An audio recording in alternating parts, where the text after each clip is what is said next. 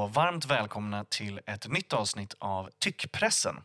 Tyckpressen är Dagens ETCs ledarpodd där jag, Max V Karlsson, tillsammans med inbjudna gäster pratar om vad som är em, rätt och riktigt, em, kul och tråkigt, men framförallt kanske vad som är bra och dålig politik.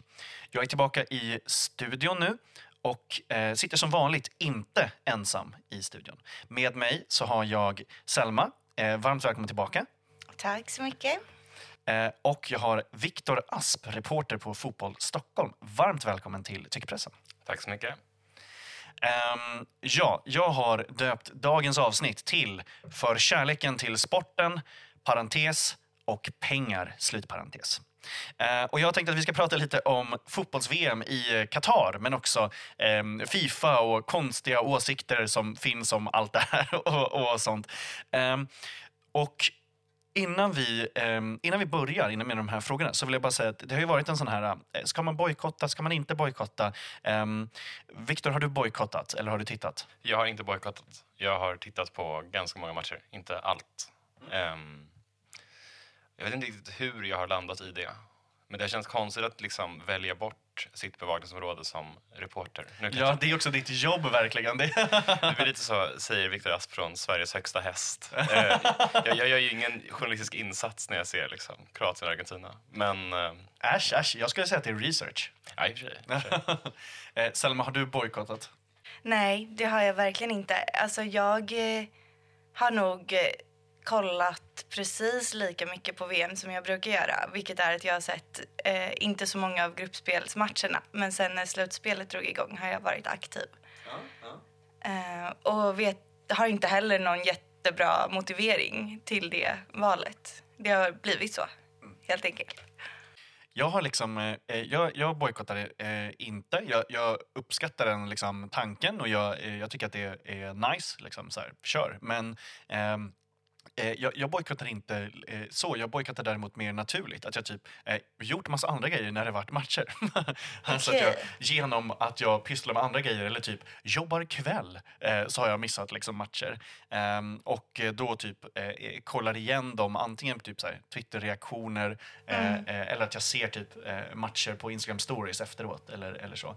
Ehm, Det finns ju också någon sorts eh, sorg att det här är det sista riktiga VMet. Från och med nästa VM är det 48 lag, eller 32. Och det kommer vara grupper med tre lag istället för fyra lag. Eh, och då kommer ju liksom otroligt mycket spänning gå förlorad. Såklart. Så det här är sista chansen att få njuta av lite härlig fotbolls-VM. Just och det. är det minst härliga VMet någonsin. Så det, det finns mycket sorg Ja. i den här relationen jag har till Qatar-VM. Men vad intressant att du säger det, för jag har också ehm, känt att det här VMet är väldigt så speciellt för mig för att det är eh, sista VM för flera liksom, stora spelare. Så här, Messi spelar sitt sista, Ronaldo antagligen. Och det är sådana spelare som jag verkligen har vuxit upp med. Och det känns som att, eh, alltså det, känns som att det här är VM där jag blir vuxen typ. Just det. Men jag tror, och jag tror att alla har typ den, den feelingen. För att så här, eh, eh, eh, eller många i alla fall har, har den. För att man kommer ihåg vissa spelare. Liksom, eh, Verkligen. och eh, eh, man kommer ihåg när vissa spelare slutade. Liksom. Eh, jag menar, eh, min sån, liksom, eh, inte för att jag blev vuxen, men, men jag kommer ihåg väldigt tydligt när liksom, Zidane, Zinedine Zidane slutade. Liksom, eh, och att det var liksom, eh, ja men det, det fastnade ändå där. Liksom. Eh, sen gjorde han det på ett spektak- spektakulärt sätt också, med våld. Men, eh, eh, men det var ju liksom... Eh, eh, det, det, är ett, ja, det, det är ju ett epokskifte då på flera sätt egentligen. Eh, och jag känner som alltid när man pratar om så här stora organisationer och allt sånt där eh, så, eh, och i det här liksom, eh, sinnesstämningen att allting bara blir värre och större och liksom, eh, eh, mörkare hela tiden att eh, eh, det, så är det även här. Eh, Men min första fråga, här, jag, jag, nu kommer vi göra en grej här. Jag har tagit med en artikel från eh, Dagens Nyheter eh, som, som eh, jag tycker är, är väldigt rolig. Eh, och jag vill eh, läsa lite högt från den. Eh, min, min första fråga till er egentligen, eh, om ni får svara på den innan ni ens har hört någonting om texten. Är Qatar-kritiker egentligen bara småsinta mobbare? Selma, vad säger du? Ehm, Eh, nej. Klart och tydligt. Viktor, vad skulle du säga? nej. Nej. Okej, två nej. Eh, jag säger en eh, vi får se. Vi, vi kanske ändrar oss av den här texten. Eh, men eh, det är en kolumn, en fristående, eh, fristående kolumn i Dagens Nyheter eh, som är publicerad på ledarsidan. Så att det är väl en ja, mer eller mindre eh, eh, gästledare, skulle man kunna säga. Eh, det är Jörgen Wittfeldt som har skrivit den, chefredaktör på Kvartal. Som eh, eh ja, eh, en del känner till det. Man har inte pratat om Kvartal på så himla mycket. De försvann lite och sen så nu har de lanserat en, en ny sajt och lite sånt där. Ja, best of luck. Ehm, eh, men eh, så här börjar då eh, eh, Jörgens eh, text och sen så ska jag läsa några stycken. Kritiken mot Qatar kretsar kring värderingar. Men varför är det självklart att just de värderingar vi just nu förespråkar är de mest eftersträvansvärda? Min första grej är, alltså jag håller inte med. Jag håller inte med med kritiken mot Qatar är värderingar. Alltså jag, kritiken mot Qatar har varit så här att eh, eh, arenorna är byggda på blod, typ. ja, men, men han kanske menar att det är en värderingsfråga då. Alltså om man är för eller emot att arenor är byggda av blod. Mm. Så kan det ju vara såklart. Eh, men men eh, det där tycker jag liksom blir att flytta en sak längre bort än vad det är. Uh, liksom. Den här, absolut. Eh, eh, jag menar att, som, som vad som helst när man liksom säger att, eller man tar upp kritiken till någonting generellt för att låta som att man attackerar någon generellt. Mm. Ja, texten fortsätter i alla fall. Ehm, den på, det pågående världsmästerskapet i fotboll i Qatar har så här långt, vid sidan av det rent sportsliga, blivit en pinsam kollision mellan de västerländska liberala värderingarna och Mellanösterns konservatism. Och det är nog så man ska förstå Fifa-bossen Gianni Infantinos utskällda tal det var när han sa idag känner jag mig som en katarier, idag känner jag mig som en gästarbetare, idag känner jag mig gay. Eh, han ville agera medlare mellan de två världarna men möttes av fördömanden från väst. Mm. mm alltså det här talet, vet inte om alla sett det, det är en timme långt. det är liksom, eh, ja, han framstår ju som att han är typ, jag vet inte, bindgalen. eh, och orerar om att bland annat att ja, eh, om Nordkorea vill hålla ett VM så kan de få det. Jag har varit medlem mellan nord och syd för att de ska hålla ett dam-VM någon gång i tiden. Mm. Um, så jag vet inte, alltså, att Gianni Infantino skulle vara en sorts medlare det är så ja, otroligt intressant tolkat med tanke på hur otroligt arrogant Infantino är mot alla som lyfter någon sorts kritik mot ett Fifa som är genomkorrupt. Dit kommer vi väl sen också. Ja, men också så här, kan, alltså en medlare är ju en neutral part här är ju det högsta bossen för de som tjänar allra mest pengar på det.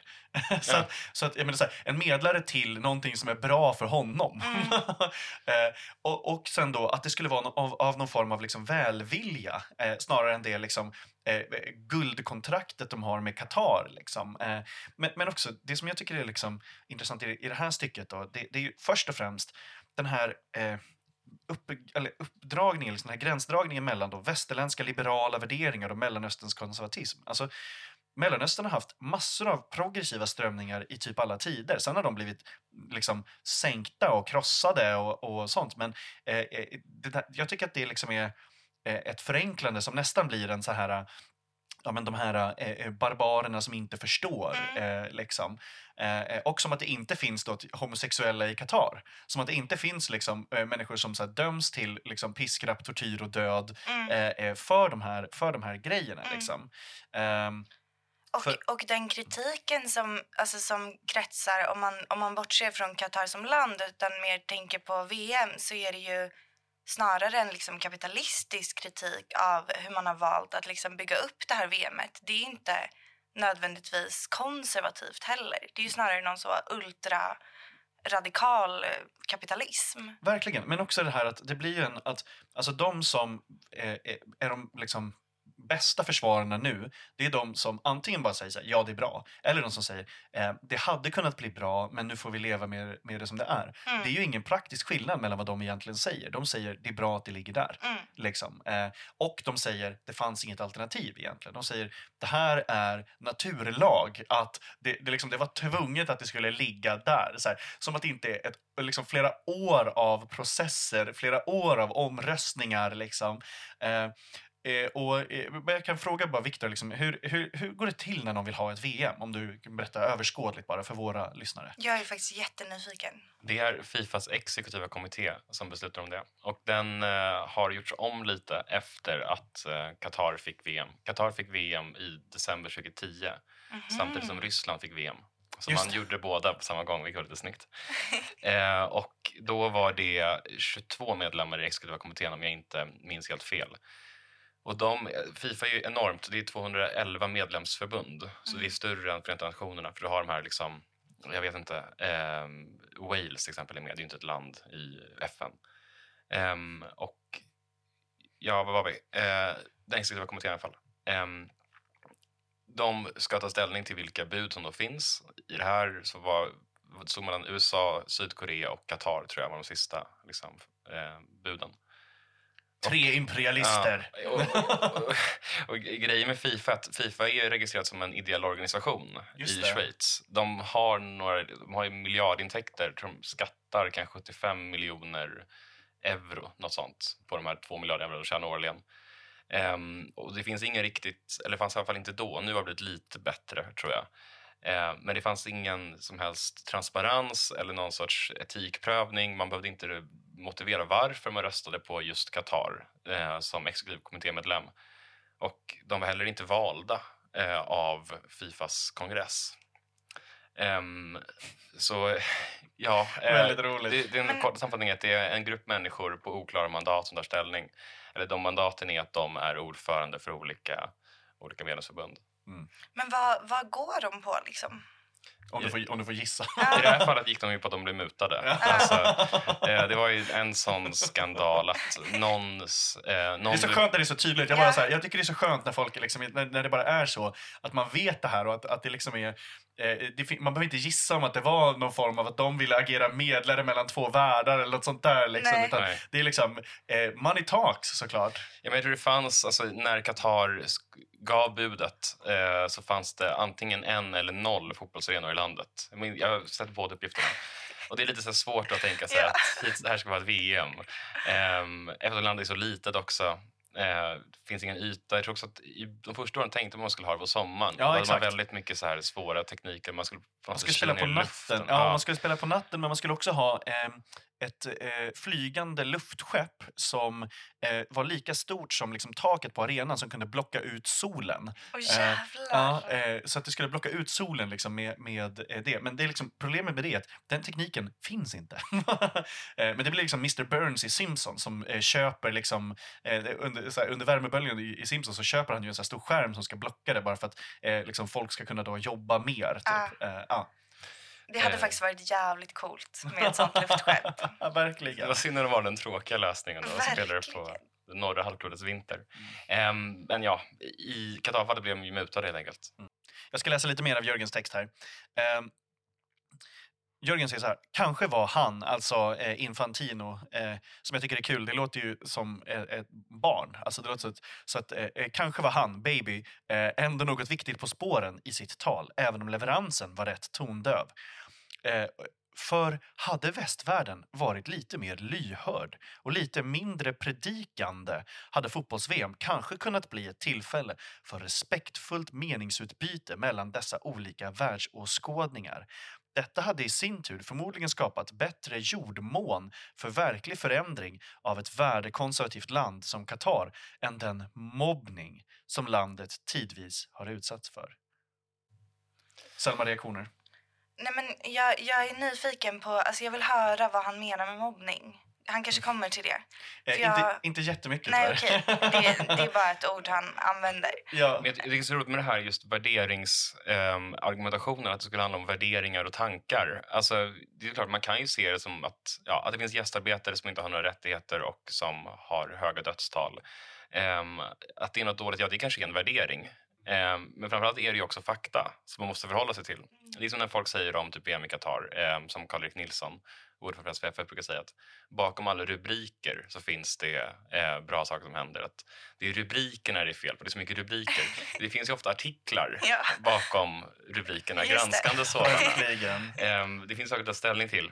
Även om man bara vill se saker som värderingar. Och det finns frågor som behöver besvaras. Liksom. Det finns Mm. massa frågor som inte är besvarade, massa info som inte finns liksom, eh, eh, och som inte finns ute där, som då gör det omöjligt att ta ställning på, liksom ett, på det sättet. Men det som jag tycker är liksom, det roligaste med det här, det är att tänka liksom, hur Eh, Jörgen Wittfeldts då, eh, eh liksom, fantasi-VM hade sett ut. Alltså, han säger då först det här att eh, västvärlden skulle ha varit lite mer lyhörd. Så här, hur hade det konkret sett ut? Liksom? Eh, vad betyder det konkret att vara mer lyhörd för eh, ett land som, som straffar människor på det här sättet då, till exempel? Men också så här, lite mindre predikande. Vem har predikat och för vilken religion? Eh, är det liksom wokeismen som, som glider in här igen liksom, eh, och säger eh, eh, eh liksom, sluta behandla era migrantarbetare som, som eh, eh, liksom kanonmat bara.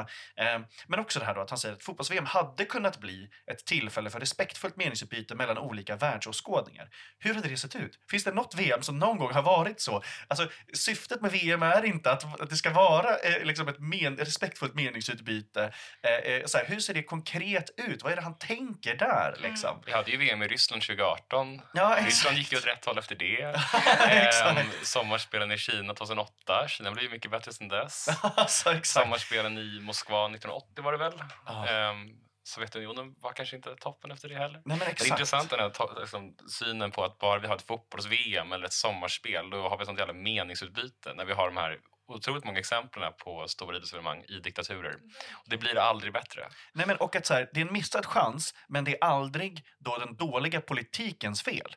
Det är aldrig liksom den, den biten. Det är, och, och samma då, det är aldrig marknadens fel. Det är aldrig marknadens fel att de underblåser den här liksom, gigantiska skurkstaten som, som det är. Liksom. Utan eh, felet är att vi inte lyssnade tillräckligt noga på dem. De som tycker att det var fel, liksom, eh, de som tycker att det, var, eh, eh att det liksom är, är dåligt att de har hela städer där det bor migrantarbetare ovanpå varandra. Liksom. Eh, eh, och, och, och sen då liksom att han säger att det hade kunnat leda till en verklig förbättring av ett värdekonservativt land som Qatar.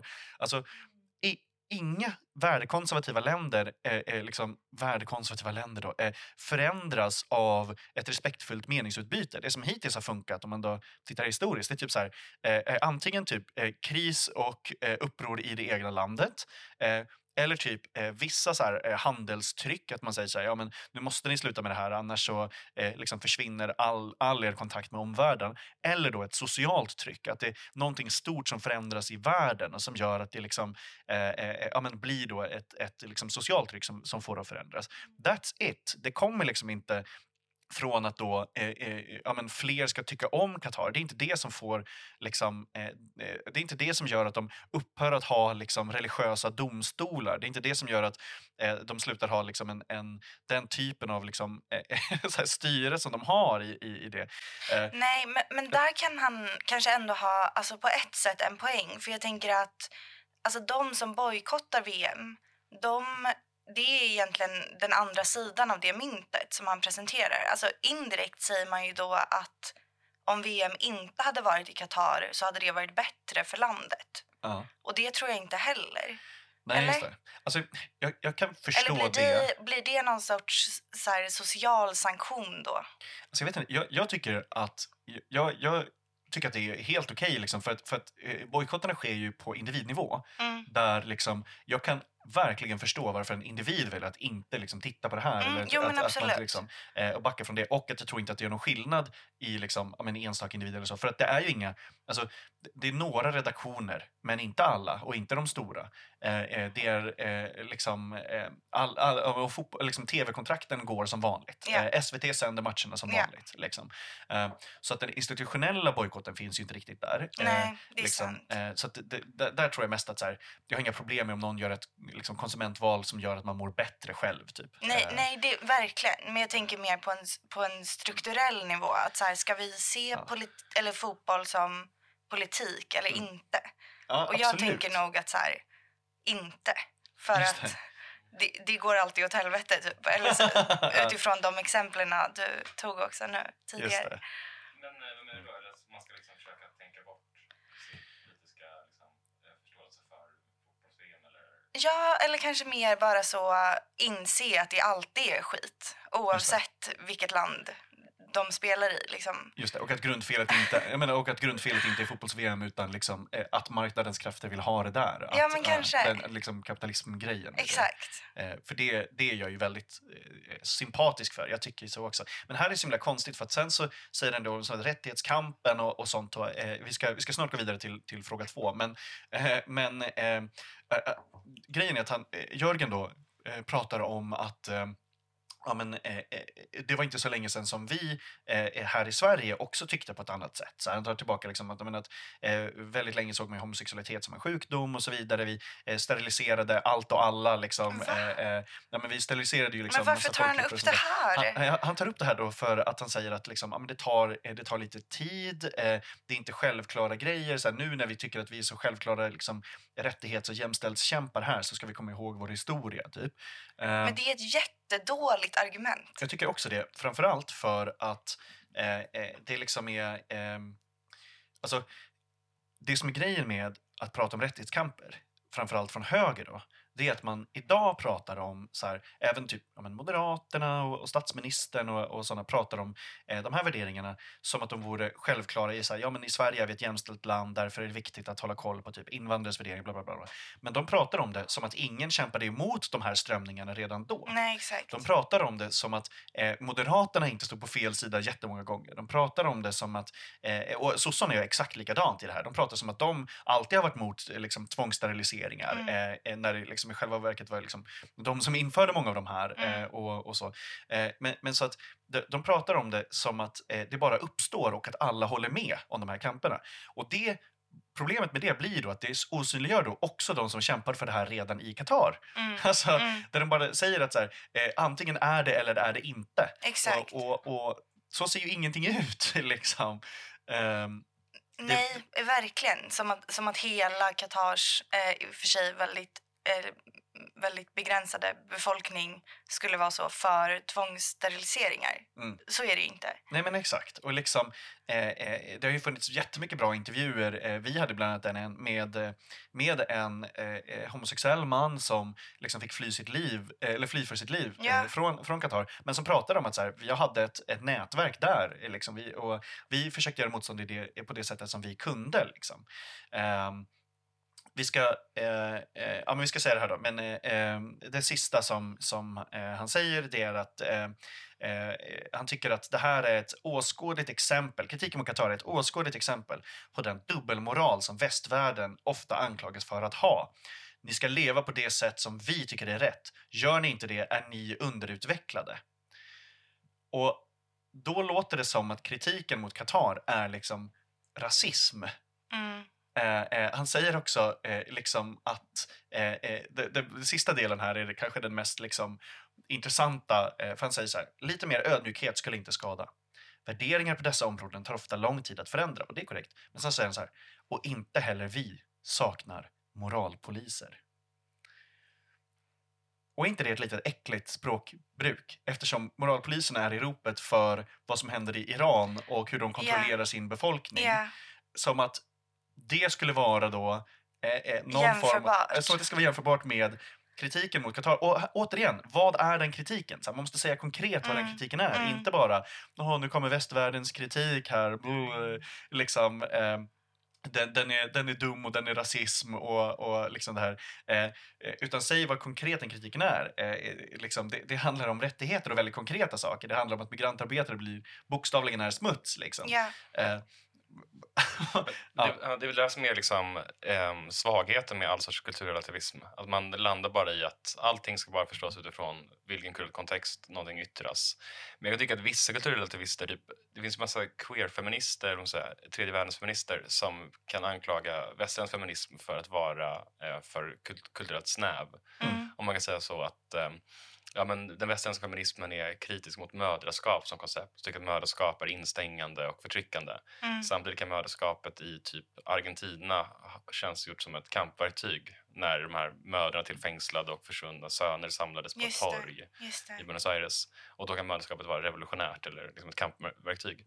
Och den argumentationen kan jag sympatisera med mycket mer för det är ändå någon sorts kulturrelativism. Men men ändå hållit fast vid att men jämställdhet är bra. Mm. Att liksom, Mm. vi vill ha jämställdhet. Mm. Sen så kan vi ha någon sorts kulturrelativiserande argumentation för att belysa på fel i en viss sorts argumentation. Exakt, och prata Men- om vissa kontexter Ja. på ett mer korrekt sätt då. Liksom. Exakt, men i det här fallet är det bara så nej men inget finns. Alltså, Ja, vi, vi kan inte säga att uh, kafalah-systemet är dåligt. Liksom. Nej, vi kan inte exakt. säga att det är dåligt att uh, migrantarbetare från Nepal inte får hämta sina pass och de inte får ta semester, att de måste jobba när de är sjuka, att de dör.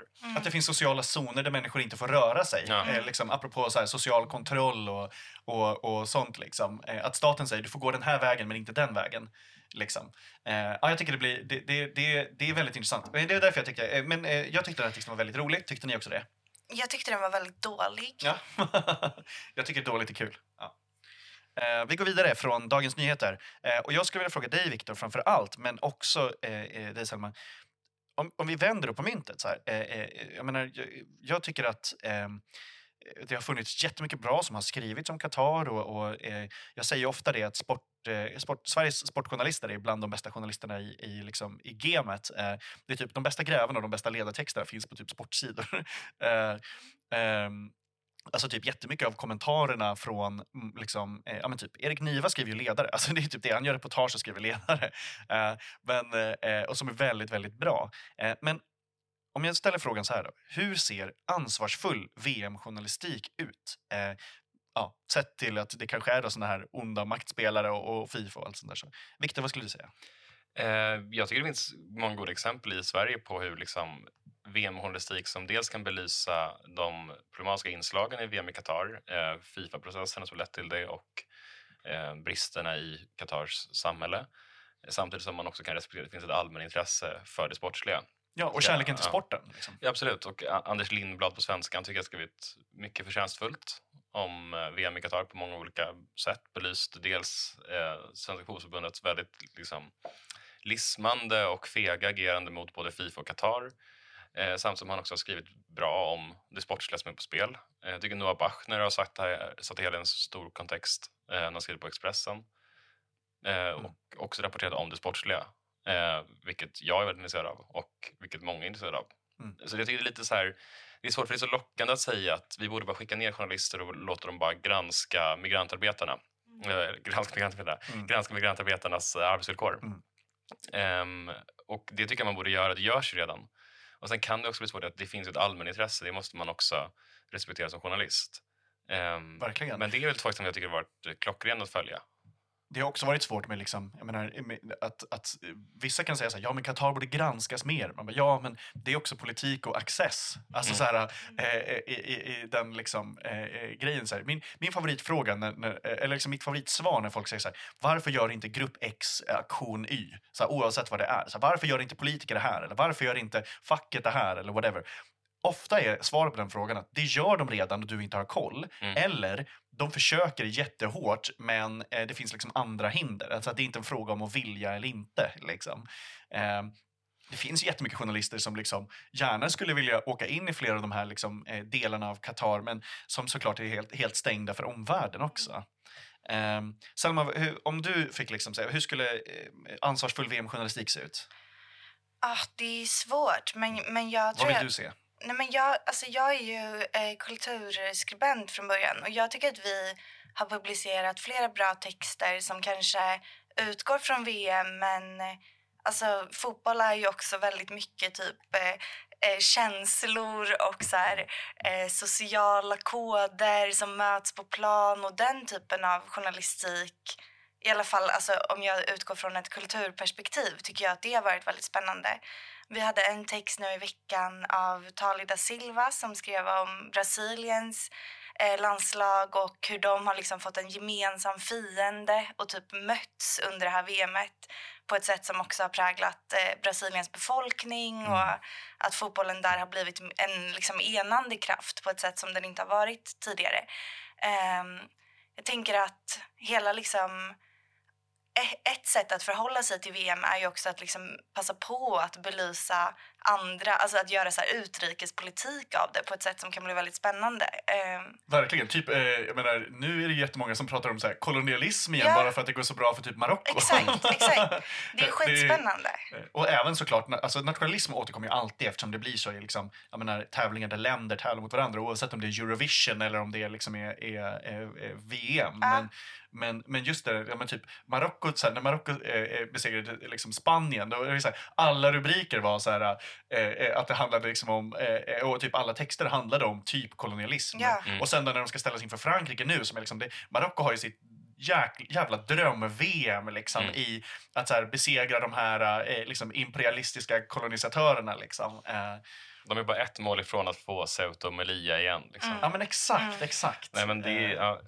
om man får hissa sin egen flaggstång tycker jag att det får du jättegärna göra. Ja. eh, Oskar Månsson har skrivit bra krönikor om Som har gästat eh, podden tidigare också faktiskt. Ja, shoutout. Ja, fortsätt förlåt. Nej, är, eh, han var också en av de första som var på plats i Qatar vad jag förstår och eh, skrev om migrantarbetarnas situationer och så.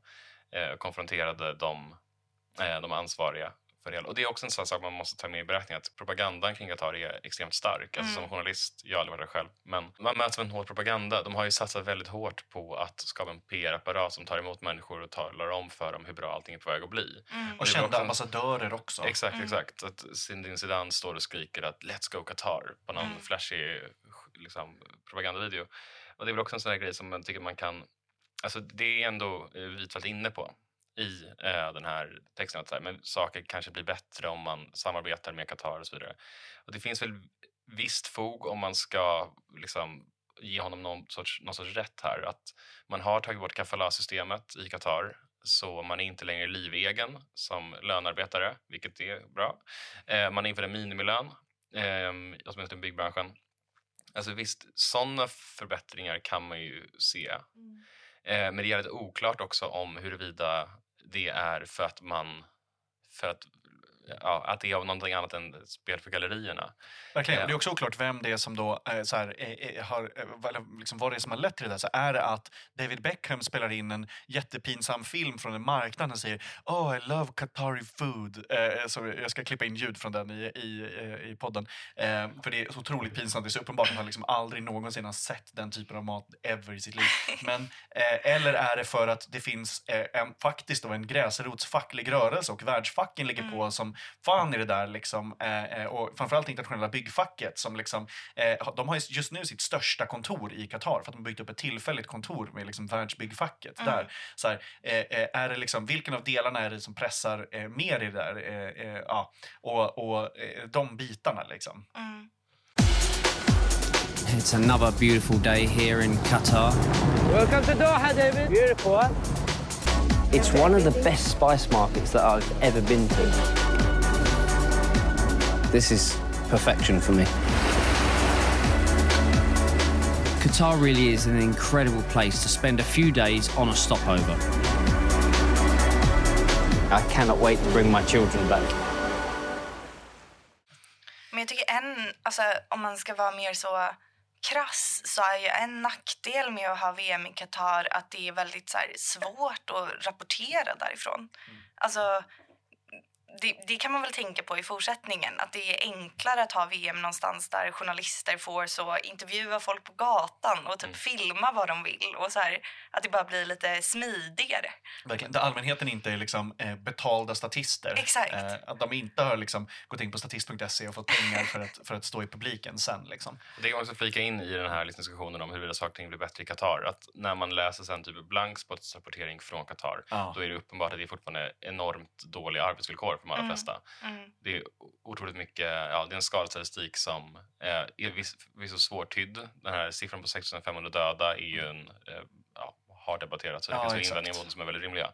Eh, men ja, det finns väldigt lite som tyder på att saker blivit särskilt mycket bättre eller ens i närheten av okej. Verkligen. Och typ boendemiljöerna och sånt också. Eh, men också typ så här, lönerna har blivit lite bättre men då ökade hyrorna också Mm. eh, som de betalar till sina arbetsgivare. Eh, det. så att det blev liksom en värdeöverföring där egentligen bara. Ja, jag tänker att Qatar har ju också, eh, man har kunnat köpa Paris Saint-Germain, man har kunnat eh, köpa in sig som tröjsponsor på Barcelona första gången i den klubbens historia. Hade man velat ta bort kafala-systemet, hade man velat införa minimilön, hade man kunnat göra det för länge, länge sedan. Mm. Såklart. Ehm, så det är väl, ja. Mm. Men sen, man Man ska, kan, säga, man kan göra en shoutout till Blankspots eh, projekt Cards of Qatar. Väldigt Mm. snyggt med fotbollskorten med migrantarbetare som har eh, skadats eller dött i, i bygget med arenorna och i samband med VM. Eh, väldigt, eh, väldigt snyggt eh, projekt. Vann Årets grepp på Tidskriftsgalan också. Shit. Men det är väl också en sån grej som kan bli lite problematisk man pratar om bojkott och de här liksom kulturella sakerna. Ehm, och där kan man ge Widfeldt, han är väl lite inne på det också, eh, att någon sorts, alltså viss bojkottargumentation blir ju lite för korkad. Alltså Mm. när man till exempel Absolut. skriver att eh, vi kan inte spela VM på vintern. Jo, men det är inte vinter på södra halvklotet. Liksom, de, de fotbollstokiga människorna i Brasilien och Argentina, liksom, Ja. för att låta som en världsreporter från 1970-talet. De har ju fått stå ut med vinter, eller vinter-VM. Eh, och man pratar om att ja, men man kan inte spela VM där man inte får köpa öl på matcherna. Ja, jag kan hålla med om det. Eh, men det kanske inte är ett problem för världens en miljard muslimer eller hur många det nu är. Mm. Eh, och när man pratar om att, ja, jag vet inte, eh, vi kan inte ha VM i ett land utan fotbollskultur. Mm, Ja, men vi har haft VM i USA och Sydkorea mm. eh, och Japan då, eh, 94 respektive 2002. Fotbollskultur eh, osar mycket mer rasism tycker jag, alltså som begrepp bara nu när man säger det så här, alltså, alltså, att, i vad som skulle vara fotbollskultur och inte så här. eh, Ja, och det är så här, ja, men den- visst, det finns ju någon sorts poäng att eh, det fanns rejält mycket mer fotbollskultur både i USA och eh, Sydkorea och Japan på 90 respektive 00-tal än det finns i Qatar 2022 och det kan finnas en idrottslängtan i de länderna. Mm. Men när man har de argumenten, vi kan inte ha VM under vår vinter, vi måste få köpa öl, vi måste ha VM i länder med fotbollskultur. Då gör man ju sig, det blir väldigt lätt eh, för motståndarsidan då, för Infantino och Qatar-sidan och kanske också Vitfeldt då, eh, att bara slå ner på en argumentation. Och när det finns mycket starkare belägg, eh, det är också en sån grej som man, eller jag kan fastna lite på Mm. Mm, i verkligen. bojkottdiskussionen. Jag, Verkligen. jag håller verkligen med. Det var väldigt, eh, eh, jag håller med om den poängen. Eh, vi ska gå vidare till den sista frågan. Eh, det är så himla roligt att prata om, så tiden går så himla fort. Det är roligt att prata om skurkar. Eh, och skurkar då. Eh, jag har eh, formulerat min eh, sista fråga till er så här. Är Fifa världens mest korrupta organisation? Eh, eh, och jag tänker lite liksom på, på eh, pengar och det har varit skandaler. Du sa lite att de hade varit eh, ja, men mutor och så innan, Viktor. Eh, hur skulle du svara på den här frågan? Alltså, Gabons taekwondo-förbund är inte ett under av transparens och idrottskärlek. Nej. Men det är liksom kanske till sådana förbund vi måste gå om vi ska hitta något som liknar Fifa. Ehm, om man inte ska prata om, jag vet inte, Rysslands försvarsmakt. Ehm, Fifas kärnverksamhet får man väl säga är korruption. Mm. Ehm, det som har kunnat komma fram när man har gjort eh, granskningar över hur, ehm, över hur de här länderna har, Ryssland och Qatar, fått sina VM eh, är absolut inte smickrande läsning. Det togs fram en rapport som heter Garcia-rapporten. Togs fram av en man som förut jobbade som statsåklagare för USA innan dess, tror jag.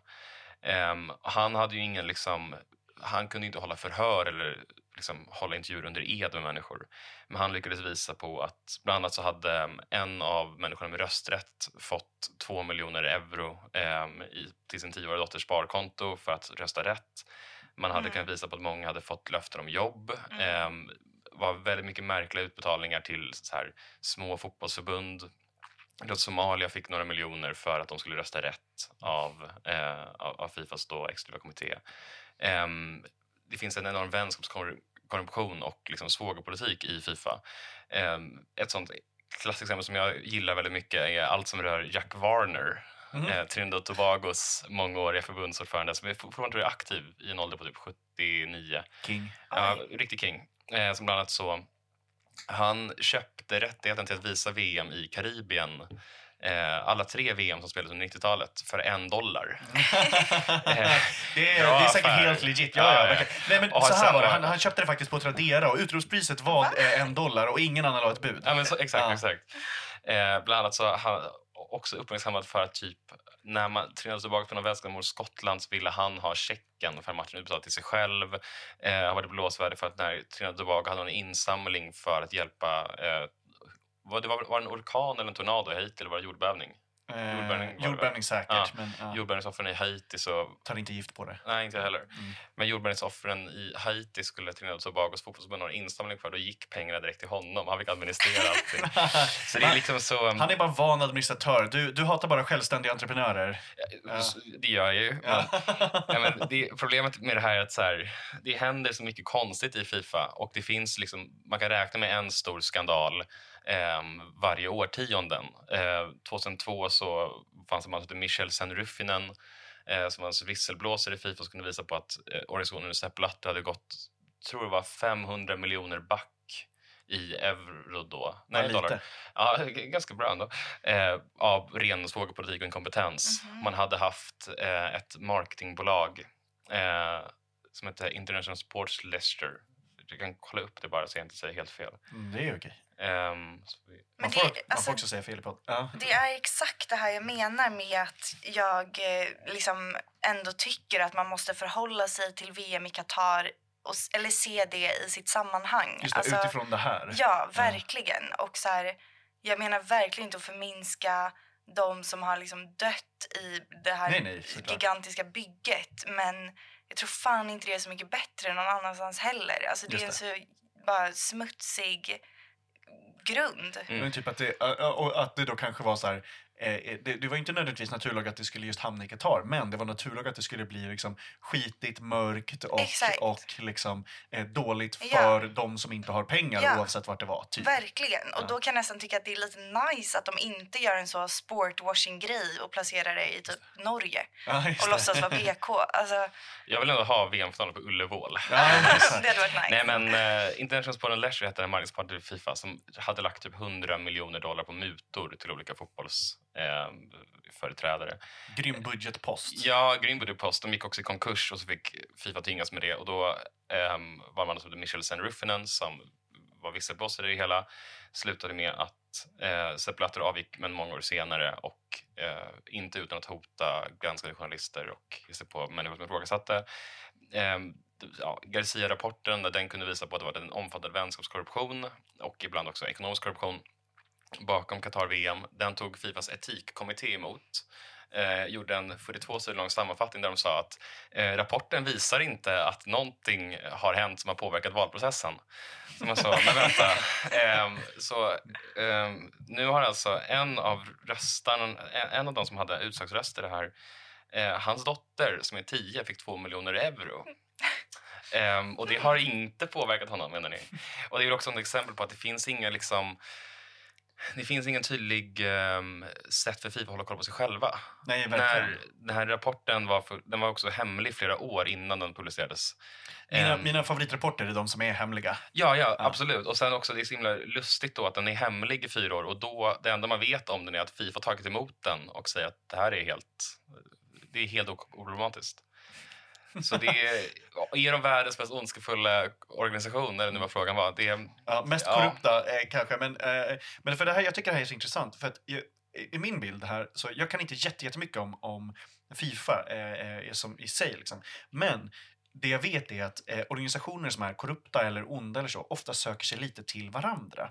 Och här har jag ju ett eh, eh exempel då eh, som är eh, eh där eh, det, det skedde ett samarbete precis mellan några organisationer. Och det här är, bara, det är väldigt kul för att vi har nämnt det här lite tidigare eh, också. Men så här är det. Eh, Ibland händer det då. Två otroligt ondskefulla ting gör gemensam sak för att göra världen till en ännu sämre plats. Och den här gången då så är det Fifa och världens största tv-spelsbolag, Activision, eh, som har samarbetat eh, och sätter in tre stycken av världens mest kända fotbollsspelare in i sitt superpopulära spel Call of Duty.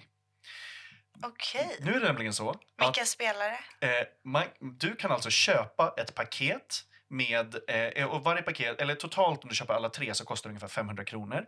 Mm. Men eh, där eh, din karaktär i Call of Duty får eh, i den här pang-pang-krigssimulatorn liksom, eh, eh, eh får då eh, ett nytt, nytt utseende. Och det är Neymar, Pogba och Messi som heter Killer Messi i spelet.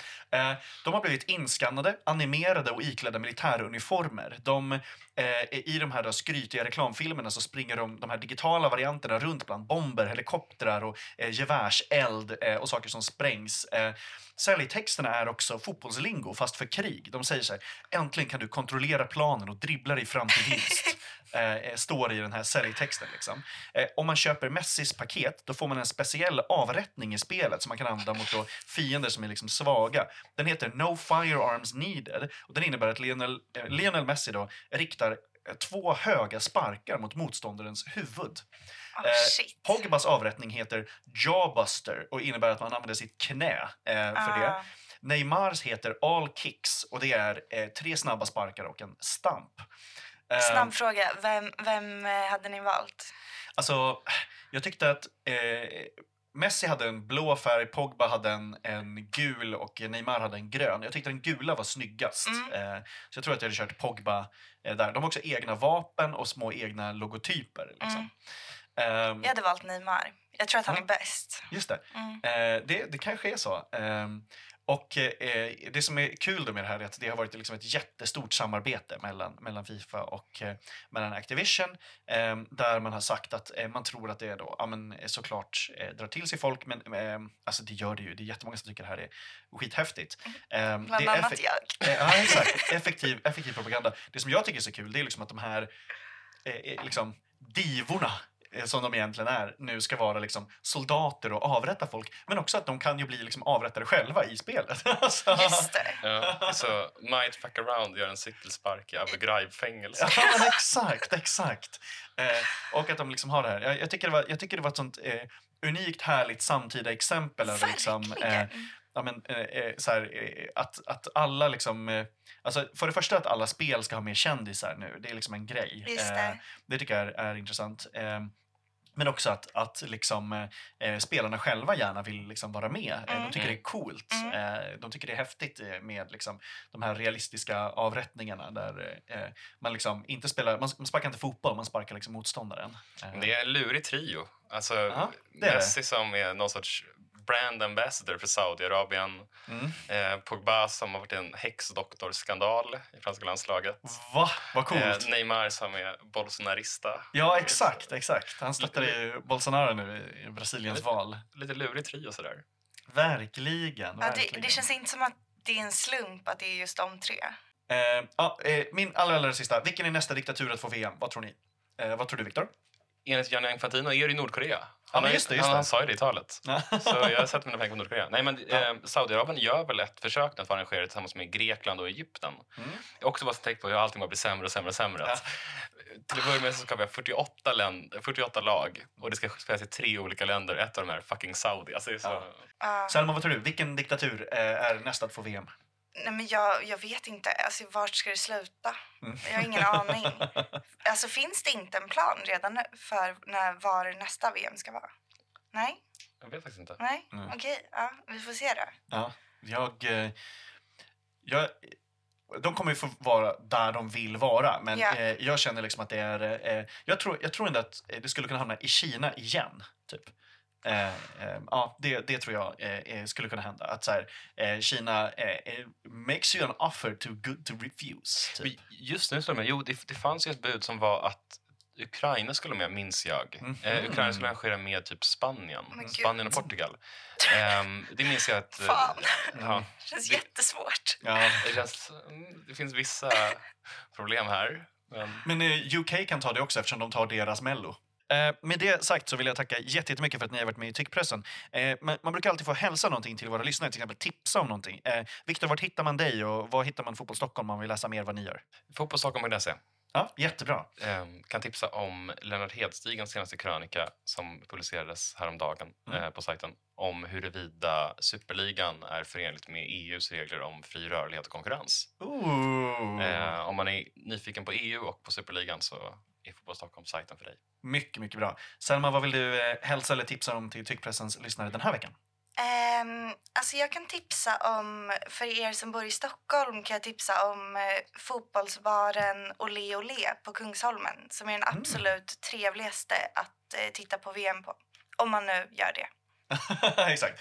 Eh, gud vad nice. Så bryt din bojkott eller eh, eh, åk dit. Eh, byt ut din kvarterskrog mot Olé Olé.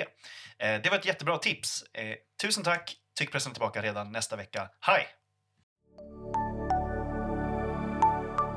Visste du att 90 procent av medierna i Sverige är borgerliga?